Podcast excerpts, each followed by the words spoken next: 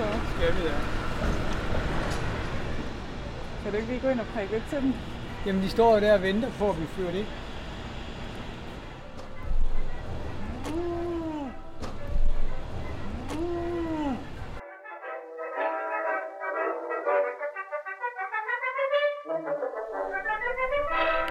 Du lytter til podcasten Aarhus i ørerne.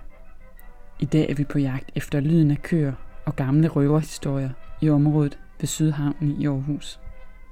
I det her industriområde, i bunden af Jægergårdsgade, bor unge, kreative iværksættere, kunstnere, samt frontløberne side om side med et mindre slagteri, restaurant Kohalen, samt værestedshus forbi. Og så skal vi helt ned på havnekajen, hvor vi vil afsløre, hvilket smukt drømmesyn du kan opleve i morgendisen. Mit navn er Lene Grønborg, og med mig på gåturen har jeg stadsarkivar Søren Bits Christensen.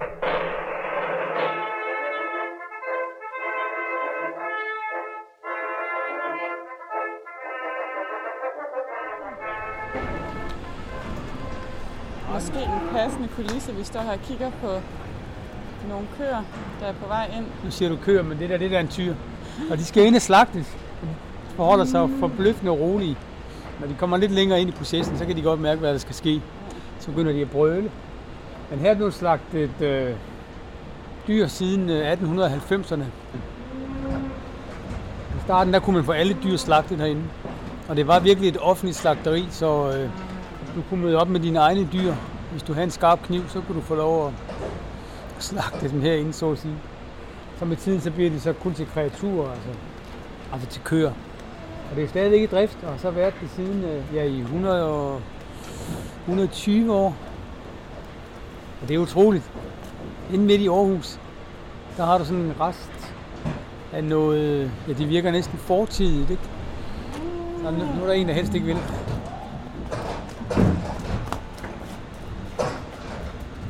Det er så det sidste, vi siger til den tyr.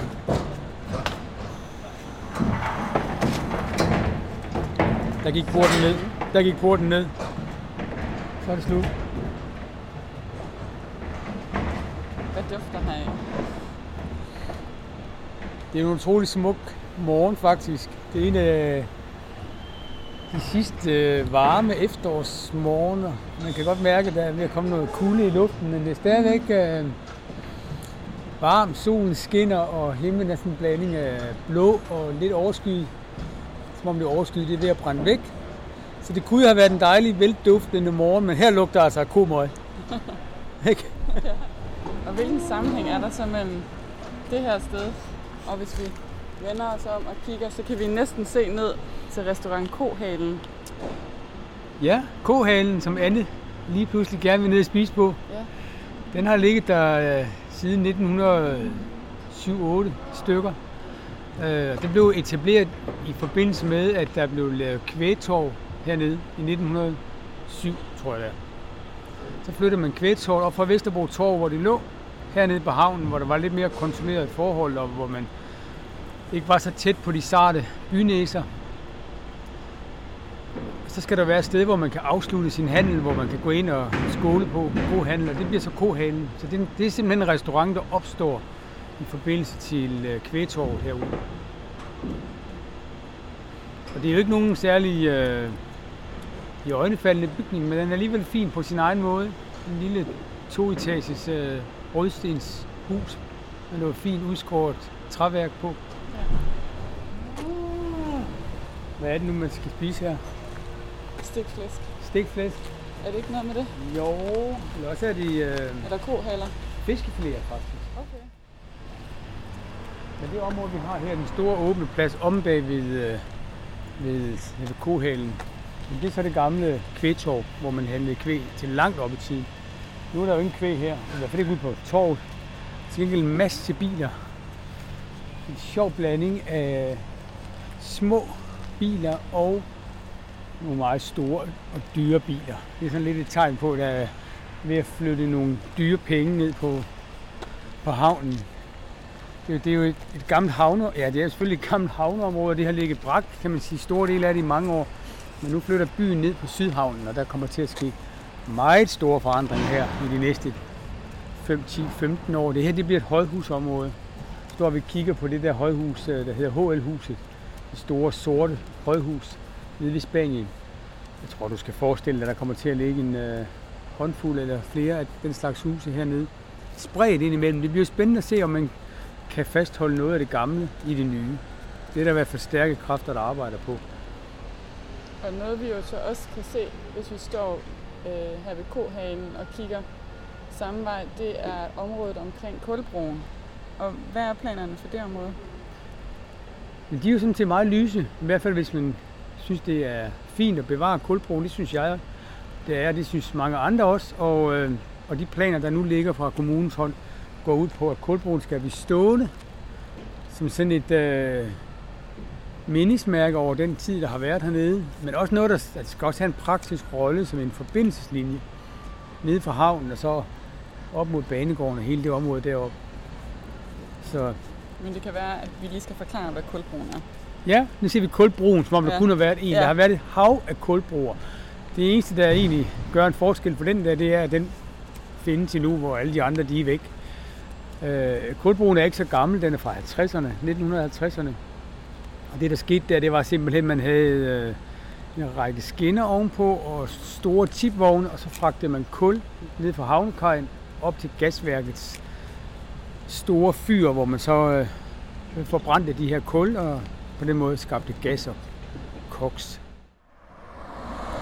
Men det er jo det, der er med historien i byen, det er, den er jo ofte skjult. Ikke? Den ligger, ligger ligesom inde i murstenene, og nogen skal fortælle den frem. Og jeg oplever egentlig, at det, er det er meget få, der ikke synes, det er interessant at vide noget mere om deres by, når de får det fortalt. Men det er ikke sikkert, at de selv opsøger det. Skråt over for kohanen ligger værestedet i Jægersgade, der også rummer hus forbi. Her er døren åben for hjemløse og borgere med sociale eller psykiske problemer. Vi kigger ind på vores vej ned mod havnekajen, Nej, og her møder vi Michelle og Roberto. To ægte eksperter på området. Jeg kan spørge hende. Hende ved det hele. Hun er her hver dag. Ved du det hele? Nej, jeg ved ikke det. Jo, du ved da om det, om det her sted. Michelle og Roberto er glade for området, huset og de mennesker, der kommer. Hos værestedet kan man komme som den, man er, og man kan få hjælp med hverdagens store og små spørgsmål. Og vi vil hjælpe fra kontor øh, fra øh, Altså, godt phone. hjælp. Der er god hjælp. Ja. Men. Roberto og Michelle hænger ikke kun ud på Sydhavnen. Og måske har du allerede mødt dem før rundt i byen. Roberto sælger hus forbi ved Fakta på Frederiks Allé, og Michelle ved Magasin i Gågaden. Hvad synes du om det job? Ej, fint nok. Øhm, jeg får lov til at komme ind hos Fakta, og folk kender mig deroppe, ikke også? Så du har nogle stamkunder? Ja, ja. Ja. Masser af mennesker kender mig efterhånden. Mange mennesker står og snakker, Når vi sælger avis. snakker med os, når vi sælger. ja. Nej, Og en god smid. Det hjælper lidt. Ja. Jeg siger mange tak. Jeg siger også mange Og tak. fortsæt en god dag. Det kan være, vi ses. Vi ses. Hej hej. I lige måde. Nu går vi så hen langs øh, havnekajen. Og øh, til den ene side har vi et kæmpe øh, industrianlæg. Det er Aarhus Oliefabrik. Og har sådan lidt af et drømmesyn foran os. Smukke hvide kornsiloer, som går under navnet De Fem Søstre. Som ligner sådan en række øh, pakhuse fra Amsterdam eller Hamburg. Og de ser jo gamle ud, i hvert fald i deres formsprog, men de er ikke særlig gamle, de er fra 1920'erne. Og det er jo øh, kornsiloer. Man var super stolt af dem i Aarhus. På et tidspunkt i 1930'erne, så skal man lave en øh, såkaldt Aarhus-udstilling på Københavns Rådhus, og så skal man jo have en plakat med, og hvad skal man vælge, hvad er man mest stolt af i Aarhus. Og der vælger man simpelthen de der kornsiloer på, på forsiden, eller på den her plakat. Og, ved siden af dem, der vælger man et andet siloanlæg, som vi har lidt højere for os. Som er øh, sådan et øh, meget kompakt rørsilohus med, øh, hvad er der, en 16-18 øh, siloer, som hører til øh, Aarhus Oliefabrik. Så det var simpelthen det, man var mest stolt af, og det, og det siger noget om Aarhus' selvforståelse. Ikke? Vi, vi er en driftig by, vi, øh, vi vil gerne fremad. Men det man jo slet ikke fornemmer nu, det er alle de tusinder af mennesker, der har arbejdet på havnen og øh, losset og lastet store skibe. Alle kranerne er væk. Der har været øh, rigtig, rigtig mange kraner overalt på havnen. De er stort set væk alle sammen nu. Hvad vil man tage i dag, tænker du? Du ved, hvis man skulle lave den plakat. Hvad er det aarhusianske varetegn? Så vil man tage regnbuen. Ja, Er det ikke, det tænkte jeg også. er det, ikke det, vi Jo. altid gør? Men det siger noget om øh, den transformation af Aarhus. Altså fra at være en industri- og handelsby, så opfatter vi i stigende grad som en kultur- og serviceby i dag. Men industrien fylder faktisk stadigvæk meget i Aarhus og står for en meget stor del af vores arbejdspladser. Bare som om vi glemmer det nogle gange. Vi taler om uddannelse og de kreative erhverv og den offentlige sektor. Og men ind- industrien er der jo altså stadigvæk. Men det er sjovt, at den der fornemmelse af, at lige præcis det her sted, det er et sted, der er langt væk fra byen. Den fornemmelse har rykket sig helt vildt, synes jeg. Helt vildt.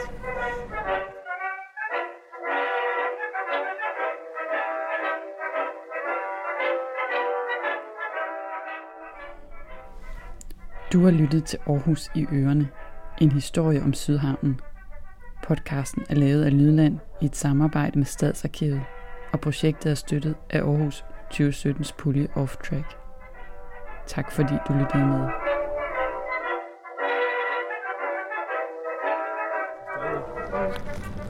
Ja, nu bliver jeg nødt til at tage et billede af det der, de fem søstre. Jeg har da aldrig set dem ligge der så smukt. Hvad med dig? Skal du også have et billede? Jeg skal også have et billede. Skal jeg holde din mikrofon lige om lidt? Nu må du gerne. Ah, der var den. Haps.